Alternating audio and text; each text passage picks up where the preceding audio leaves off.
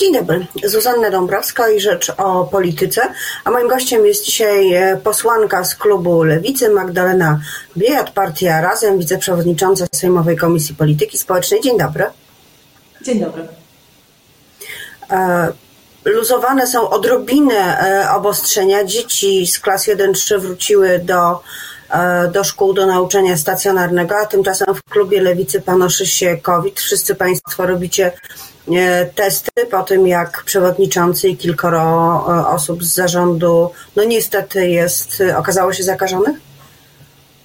E, no, te osoby, które miały kontakt z osobami zakażonymi, oczywiście e, robią testy, sprawdzają, czy wszystko jest ok. Ja taki test zrobiłam, bo tydzień temu rzeczywiście widziałam się z jedną z osób, która dzisiaj ma koronawirusa. Na szczęście zachowywaliśmy wszystkie środki bezpieczeństwa i widzieliśmy się krótko, w związku z czym E, w związku z czym mój test jest negatywny. No to jest najlepszy dowód na to, że e, koronawirus jest bardzo zaraźliwą chorobą, że jest bardzo łatwo się nim zarazić. I nawet jeżeli te środki bezpieczeństwa staramy się przestrzegać, to nie dają one nam stuprocentowej e, gwarancji. One oczywiście, to warto podkreślać, są ważne, bo znacznie obniżają ryzyko zachorowania, ale musimy być czujni, musimy być uważni i E, i się pilnować. E, być może, i tutaj e, chciałabym na to zwrócić uwagę, bo nad tym się wszyscy zastanawiamy. Być może jest też tak, że do Polski trafił te, ten, ta odmiana koronawirusa, która jest bardziej zaraźliwa z Wielkiej Brytanii, z Irlandii. Cały czas wzywamy rząd do tego, żeby zechciał zrobić badania i sprawdzić, czy ta odmiana właśnie u nas jest, czy ta odmiana bardziej zakaźna do nas trafiła i na ile ona już w Polsce jest, ponieważ to również powinno zweryfikować naszą strategię dotyczącą walki z koronawirusem. E, I cały czas o te dane, o sprawdzenie tej sytuacji nie możemy się doprosić. E, a wydaje mi się, że ta sytuacja, o której mówimy, jest najlepszym przykładem tego, że, że powinniśmy to jak najszybciej sprawdzić i dowiedzieć się, e, dowiedzieć się, w jakiej sytuacji jesteśmy. Natomiast oczywiście, jeśli chodzi o sam klub lewicy, to, to większość z nas jest zdrowa, mm, funkcjonujemy normalnie. E, i, e, i jesteśmy gotowi do rozpoczęcia prac dzisiaj w Sejmie. E, no właśnie, elementem tych prac będzie postanowienie, wczorajsze wieczorne postanowienie Komisji o odrzuceniu, odrzuceniu kandydatur na Rzecznika Praw Obywatelskich Zuzanny Rudzińskiej-Bluszcz i Roberta Gwiazdowskiego, czyli tych zgłaszanych przez opozycję na placu boju w komisji pozostał Piotr Wawrzyk. Jak pani sądzi, czy Sejmowi uda się wybrać nowego Rzecznika Praw Obywatelskich? Przypomnijmy, że jeszcze potem jest e, Senat. Czy to będzie taki, e, taka never ending story, niekończąca się opowieść o wybieraniu Rzecznika Praw Obywatelskich? No rzeczywiście ta sytuacja jest bardzo trudna. Jest trudna przede wszystkim dla nas, dla obywatelek i obywateli, którzy czekają na nowego Rzecznika Praw Obywatelskich i są w zawieszeniu, e, zwłaszcza, że no, ja nie jest tajemnicą, że ja wraz z całym klubem Lewicy popieram kandydaturę e, pani Rudzińskiej-Bluszcz e, i muszę powiedzieć, że, że jest dosyć dla mnie smutne doświadczenie patrzenia, jak Prawo i Sprawiedliwość odrzuca tę kandydaturę po prostu dla samej zasady, dla, tylko dlatego, że nie jest nasza. E, byłoby wspaniale, gdyby jednak partia rządząca przynajmniej w tym temacie e, potrafiła wznieść się ponad własne doraźne interesy i, e, i dostrzec ogromne poparcie środowisk obywatelskich, organizacji społecznych, które, które uzyskała pani Rudzińska-Bluszcz i po prostu, po prostu choć w tym temacie się na to zgodzić. Zwłaszcza, że naprawdę Rzecznik Praw Obywatelskich e, i mówię to jako polityczka, jako osoba, która ma nadzieję kiedyś sama e, być częścią partii rządzącej, Rzecznik Praw Obywatelskich jest potrzebny właśnie po to, żeby władzę kontrolować. Potrzebna jest niezależna kontrola władzy, zwłaszcza w obszarze praw obywatelskich, bo wiemy, że te prawa są regularnie łamane, czy teraz w czasie koronawirusa, czy wcześniej e, i także za innych rządów, bo mówimy to o różnych typach praw i o tych prawach i wolnościach dotyczących demonstrowania, ale również o e, prawie do mieszkania, o prawie do sprawiedliwego sądu itd. Tak itd. Tak mm, niestety e, komisja wczoraj pokazała nam po raz kolejny, że ważniejsze są podziały partyjne, ważniejsze są te linie podziału polityczne, E, I wbrew temu, co mówi samo Prawo i Sprawiedliwość, to oni właśnie upolityczniają ten cały spór. To oni tworzą z niego dyskusję na temat e, podziałów w polityce, zamiast szukać e, jakiegoś, zamiast szukać po prostu porozumienia. I Pani poseł, co będzie dalej? No co cóż, będzie no, dalej? Bo z pewnością procedura jest taka, tak. że ciężko z tego wyjść. Tak, no z pewnością ta, y, no ta procedura ma właśnie teoretycznie przynajmniej doprowadzić do jakiegoś konsensusu. Ona ma wymóc na, y, partii, na koalicji rządzącej i na opozycji dojście do porozumienia. I niestety, niestety tutaj y, o to będzie bardzo trudno, jak widzimy, no bo to jest już trzecie podejście. Ono się tylko tym różni, że wreszcie Prawo i Sprawiedliwość zdecydowało się wystawić jakiegoś kandydata, bo z tym również mieli kłopoty. I, I to jest oczywiście duży problem, bo y, po wczorajszym głosowaniu w komisji, kolejnym już głosowaniu w komisji, widać wyraźnie, że Prawo i Sprawiedliwość y, wybierze głosami, opozycji, głosami koalicji pana Wawrzyka, no ale ten, ta kandydatura wymaga jeszcze wsparcia ze strony Senatu, o które na pewno nie będzie łatwo. E, zwłaszcza, że pan Wawrzyk jest, e, jest po prostu kandydatem rządowym bardzo silnie. Jeśli ktoś jest upolityczniony, ale to właśnie on. E, także jest ministrem. Tutaj, no tak, jest ministrem, jest członkiem rządu, jest po prostu no bardziej politycznie, politycznie już się, bardziej politycznym kandydatem się być nie da. No, oczywiście chodzą słuchy o tym, że Prawo i Sprawiedliwość będzie próbowało, e, czy też przez Trybunał Konstytucyjny, czy przez e, zmianę ustawy doprowadzić do e, po prostu do zakończenia kadencji niezgodnie z prawem, kadencji obecnego Rzecznika Praw Obywatelskich Adama Bodnara. Jeśli to zrobi, no to będzie kompromitacja przede wszystkim tego obozu, który nie potrafi nie potrafi e, stworzyć przestrzeni na to, żebyśmy się wszyscy dogadali, żebyśmy stworzyli, żebyśmy wybrali kogoś, kto rzeczywiście będzie rzecznikiem praw obywateli, wszystkich obywateli i obywatelek. E, bo o to tutaj przede wszystkim chodzi i ja mam absolutnie pełną, pełną wiarę i pewność, że e, kto jak kto, ale rzeczniczka, obecna pracownica Biura Rzecznika Praw Obywatelskich i obywatelska kandydatka Rudzińska-Bluszcz właśnie taką osobą będzie, niezależnie od tego, czy ktoś będzie z prawa, czy z lewa, będzie broniła praw e, wszystkich, którzy tego potrzebują. O innych kandydatach niestety tego powiedzieć nie można. E, pani poseł, czego mogą się spodziewać e, w tym roku, w 2021 e, emeryci, jeżeli chodzi o dodatkowe dochody do tych dochodów, które wynikają z ustawy o emeryturach, wynikały do tej pory? Trzynastki, czternastki, jaki mechanizm został przyjęty przez komisję i jaki mechanizm chce wprowadzić władza? Bo wiemy już z tej arytmetyki, że jak chce, to wprowadzi. Tak. Mamy rzeczywiście w tej chwili na tapecie ustawy dwie. Jedna to jest ustawa wprowadzająca 14 emeryturę, druga to jest ustawa y, waloryzująca jak co roku emerytury i renty. Oczywiście y, te waloryzacje są potrzebne. Y, one będą w tym roku prawdopodobnie emerytura minimalna wzrośnie o 50 zł, będzie wynosiła 1250 zł brutto. Rząd, mówię prawdopodobnie dlatego, że rząd wprowadził dodatkowy mechanizm, który, który powoduje, że dopiero kiedy pojawi się wskaźnik dotyczący wzrostu inflacji, e, to ta ostateczna zmiana zostanie policzona po to, żeby nie była zbyt niska, co oczywiście należy poprzeć.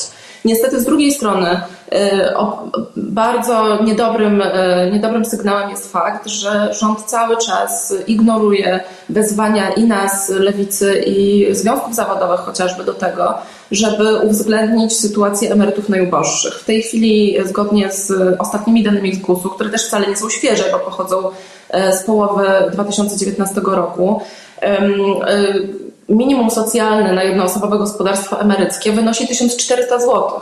W tej chwili emerytura minimalna, przypomnę, wynosi 1200, w związku z czym jest ona nadal poniżej absolutnego minimum.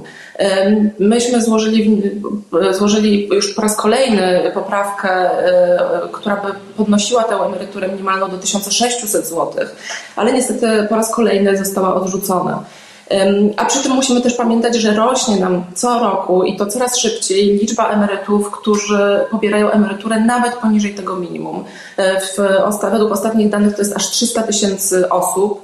E, głośne były te przypadki e, emerytów, którzy pobierają dosłownie groszowe emerytury, 40 groszy, 20 groszy.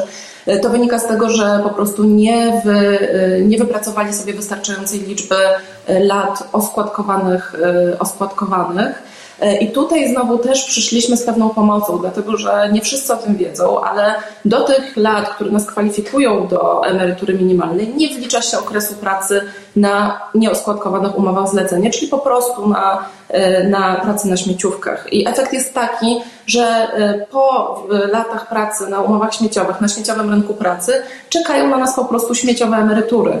Myśmy wczoraj również, ja złożyłam poprawkę e, wnosząc, zmieniającą ten stan rzeczy i pozwalającą po prostu zaliczyć ten okres e, pracy na śmieciówkach do stażu pracy, po to, żeby można było e, chociaż na tę emeryturę minimalną się w cudzysłowie załapać, ale niestety tutaj również rząd tego się do tej, do tej naszej propozycji nie przychylił i ja bardzo nad tym ubolewam, bo oczywiście Lewica poprze każdą, każdą propozycję wsparcia emerytów i każde dorzucenie e, pieniędzy dla emerytów jest słuszne. E, I dlatego również zagłosujemy za czternastką. E, ale to jest jednorazowe, incydentalne, zależne od kaprysu rządu świadczenie. A nam zależy na tym, żeby rzeczywiście systemowo zmienić tę sytuację, żeby. No tak, ale, ale pani poseł, pani poseł, trzynastka została wpisana jako taki stały element systemu tak. emerytalnego.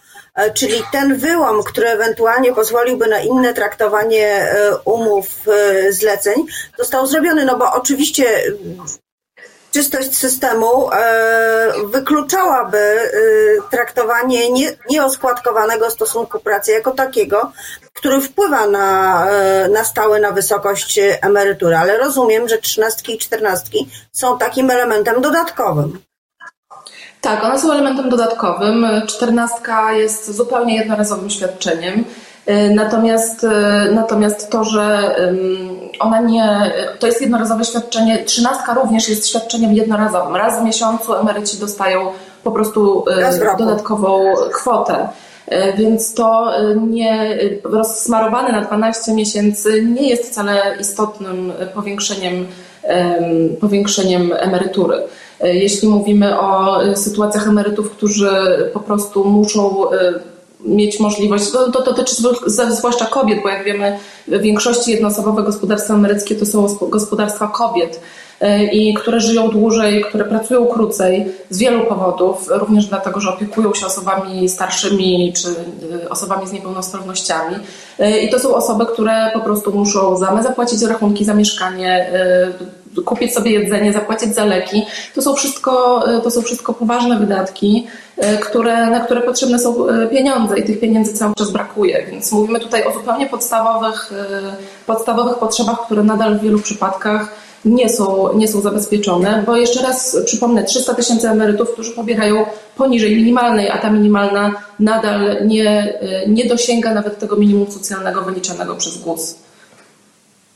E, pani poseł Rzeczpospolita pisała e, dwa dni temu o tym, że Prawo i Sprawiedliwość przygotowuje kilka, co najmniej kilka rozporządzeń mających przygotować opinię publiczną na publikację e, orzeczenia Trybunału Konstytucyjnego, któremu przewodniczy pani Julia Przyłębska. Czy pani się spodziewa, że jeszcze w styczniu ono zostanie opublikowane, czy jednak Prawo i Sprawiedliwość nie będzie chciało w czasie pandemii po raz kolejny y, zmierzyć się z protestami, które zapewne by się wtedy pojawiły.